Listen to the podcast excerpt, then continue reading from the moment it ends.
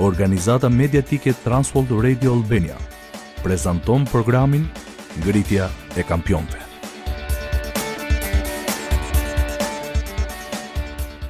Ajo ishte nuse e bukur kurse ai dhëndër i mahnitshëm.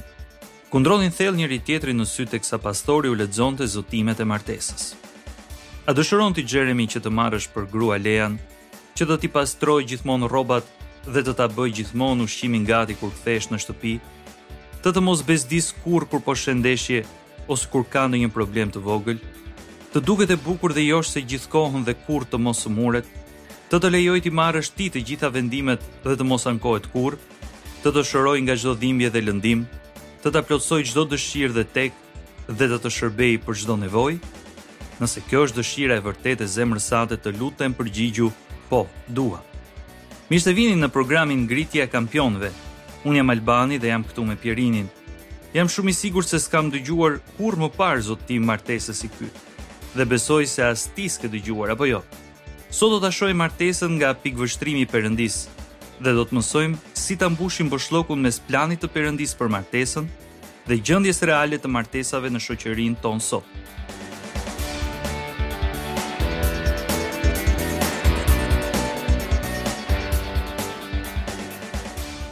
Pirin, s'e di ç'do të bëja po të dëgjoja zotime si ky në një ceremoni martese.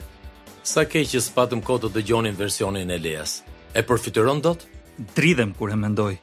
Jam i sigurt që s'je i vetmi. Por e vërteta është se zotimet që lexove janë ndoshta më afër asaj që mendojmë ne vërtet kur qëndrojmë para altarit, sesa zotimet që na dalin nga goja.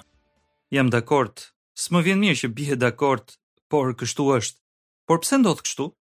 Besoj se kam të drejtë kur them se shumica e meshkujve dhe femrave duan të bien në dashuri dhe të kenë martesë jetëgjatë.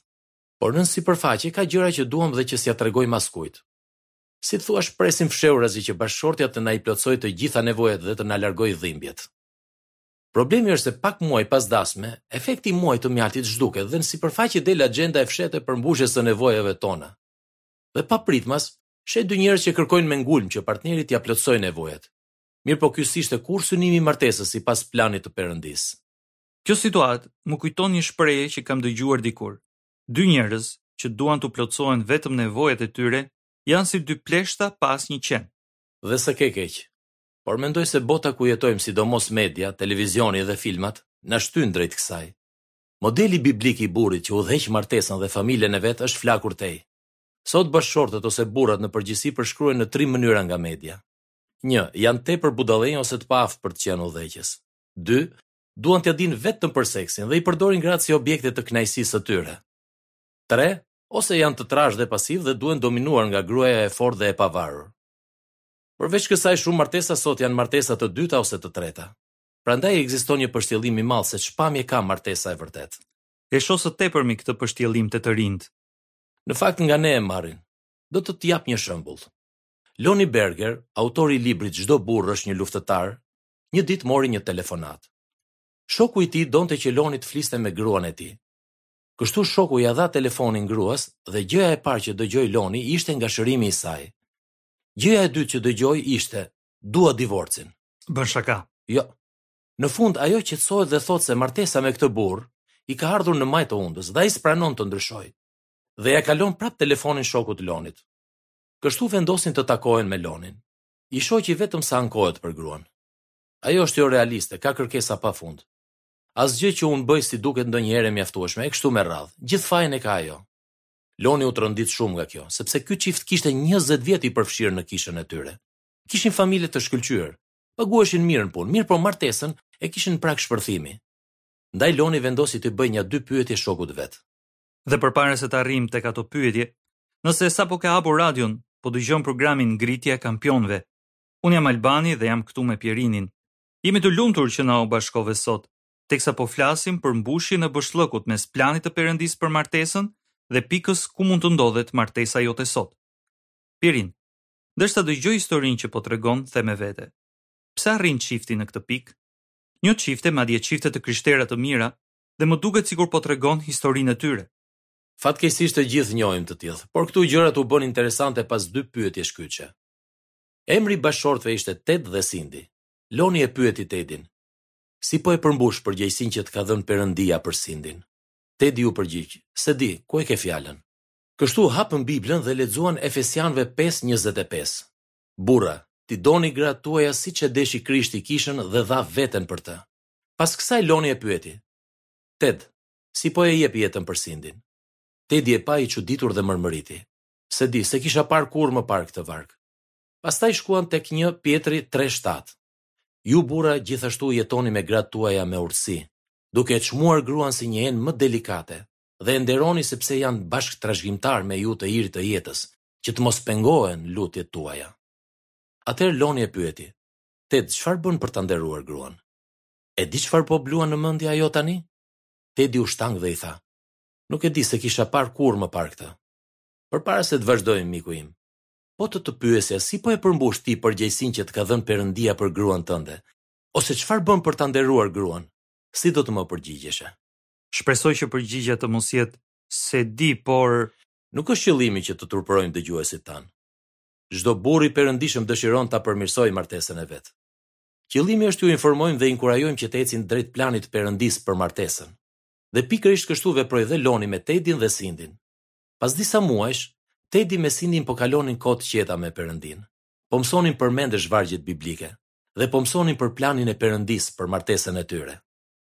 Tedi mori përsipër rolin si kreu biblik i familjes dhe e nderoi Sindin si dhuratë të çmuar nga Perëndia. Bëri gjëra të veçanta për Sindin dhe lutej për ditë për të, diçka që s'e kishte bërë kurrë më parë. Sindi mposhti mërinë e vet dhe u rrit në dashuri për Zotin dhe për Tedin. Së bashku me kalimin e kohës, arritën në një pikë të martesës ku zbuluan të vërtetën e Biblës se është gjë më e bukur të japësh se sa të marrësh. Dhe kur martesa e tyre filloi ta pasqyronte më mirë planin e Perëndisë, patën më shumë mundësi që t'u tregonin të tjerëve për Krishtin dhe t'i ndihmonin. histori shumë inkurajuese Pirin. Po, por gjëja që më pëlqen më shumë ishte gatishmëria e Tedit që të mësonte. Burri i perëndishëm gjithmonë mëson. Dua të prek dhe diçka tjetër që përmende. The se Tedi mori përsipër rolin si kreu biblik i familjes dhe e nderoi Sindin. Bibla thotë se burri është kreu i familjes, apo jo? Po. Këtë e thonë Efesianëve pesë njëzet e tre dhe një e Korintasve njëmbëdhjetë tre, por me një kusht të vetëm. Dëgjo tek një e Korintasve njëmbëdhjetë tre. Por dua të kuptoni se kreu i çdo burri është Krishti. Por ti nuk the se burri është kreu i gruas. Kjo vjen më pas. Pasi thuhet se kreu i burrit është Krishti, vargu i plotë thotë kështu. Por ka diçka që dua ta dini. Kreu i çdo burri është Krishti, kreu i gruas është burri dhe kreu i kishës është Perëndia. Pra Krishti i nënshtrohet plotësisht Perëndisë, bashkëshorti i nënshtrohet plotësisht Krishtit, ndërsa gruaja i nënshtrohet burrit. Atëherë pyetja është, meqë e dimë se Jezus Krishti i nënshtrohet plotësisht Perëndisë, po ne a i nënshtrohemi plotësisht Krishtit? Nëse po, nëse i duam gratë siç e do Krishti kishën, a nuk do të na ndiqnin ato si drejtues? Që t'i kthehemi rastit të Tedit dhe Sindit, vendoseni ju nëse ky është shembull biblik i të qenit kreu i familjes. Kur Tedi po kryente trajnimin me Lonin, Një ditë iu kujtua se kur ishte i vogël në fermën e prindërve, shihte të atin kur kthehej nga fusha dhe nëna ia bënte gjithmonë ushqimin gati kur babai i tyre hynte në shtëpi. Kështu Tedi zhvilloi zakonin që kur kthehej në shtëpi nga puna kërkonte të hante. Shpesh sapo hapte derën fjalët e para ishin, Ku e kam ushqimin? ose Nxito, kam uri, më bëj një sanduiç. Të duket ky zbatim i shprehjes Duaje gruan, siç e deshi Krishti kishën dhe dha veten për të? Jo. Jo. Dhe burra ju lutem më dëgjoni. Disa prej jush po thonë me vete mos. Dhe kjo është gjë e mirë. Madje është diçka që vjen nga Perëndia. Sepse Tedit s'i kishte shkuar kurrë në mendje se mënyra si e kërkonte ushqimin e poshtëronte gruan e tij. Ose ajo ndihej sikur ai nuk e donte ose e pavlerësuar. Dhe miqtë e mi, disa prej jush kështu ndihen. Thua me vete nuk e dija, s'ka problem. Prandaj dhe Perëndia të vuri të na dëgjoje sot. sepse ai do që të mësosh si të jesh kreu i perëndishëm i familjes. Dhe ky është synimi ynë këtu në programin Ngritja e Kampionëve, burra që duan Perëndinë, bashkëshortë që duan Perëndinë, baballarë që duan Perëndinë. Po, dhe që të jesh bashkëshort që do Perëndinë, siç the ti Alban, duhet ta vlerësosh planin e Perëndisë për gruan. Dhe ky plan i ka fillesat që tek Adami. Tek Zanafilla 2:18 shohim. Zoti Perëndi tha, Nuk është mirë që burri të jetë i vetëm. Do t'i bëj një ndihmëse të përshtatshme për të. Fjala ndihmëse në gjuhën origjinale është një term shumë i lartësuar. Në kontekstin e martesës do të thotë dikush që mbush boshllëqe. Në përgjithësi burrat kanë boshllëqe kur vjen puna tek mirësia, mëshira, ndjeshmëria, butësia edhe në marrëdhëniet në përgjithësi.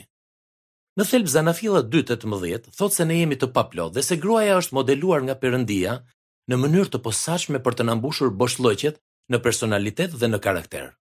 Shumë shpesh na duket sikur gruaja na bezdis dhe s'na lë rehat.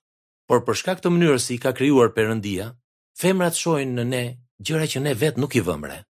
Nëse s'lejojmë që këto cilësi të na zhvillohen në karakter, mund t'i lëndojmë thellë njerëzit tanë më të dashur, gruan, fëmijët edhe të tjerët. Edhe shumë prej nesh kështu veprojnë. Gjithmonë mahnitem se si Perëndia i ka modeluar gjërat që të funksionojnë mirë, por neve na duket sikur dimë më shumë se ai. Shiko, Ditën që burri do t'i shohë dallimet e së shoqes, jo si kërcënim për të si burrë, as si sfidë ndaj udhëheqjes së tij. E kam përjetuar vetë këtë. Edhe unë. Por ditën që e mposhtim këtë gjë dhe i shohim gratë si dhuratë nga Perëndia dhe si mjet që Perëndia e përdor për të na modeluar në burrin e perëndishëm që edhe ne duam të jemi, atëherë në martesë do të fillojnë të na ndodhin gjëra vërtet të mira. Dhe Perëndia ka për të na e përdorur martesën për t'i shpallur botës se plani i Perëndisë funksionon. Pirin, ka qenë emision i ngjeshur. Të lutem na i përsërit ato që thamë. Mësuam se Perëndia ka një plan për martesën. Që botës i duket i dalë mode ose marrëzi, por ai funksionon. Po kështu pamë se të jesh kreu i familjes është diçka biblike vetëm kur i nënshtrohemi plotësisht Jezu Krishtit. dhe mësuam se gruaja është krijuar nga Perëndia që të bëjë burrë më të mirë. Ndërsa ju beqarët filloni t'i luteni Perëndisë që t'ju bëjë gati për martesën. Kështu kur ai të ta sjellë atë vajzën e veçantë, do të kesh zemër të përulur edhe do ta nderosh. Faleminderit Pirin. Miqtë e mi, pas dorëzimit të jetës ndaj Jezu Krishtit, Martesa është ngjarja më jetëndryshuese për mashkullin. Ju inkurajoj që sot të hidhni hapat që ta modeloni martesën tuaj sipas planit të Perëndisë.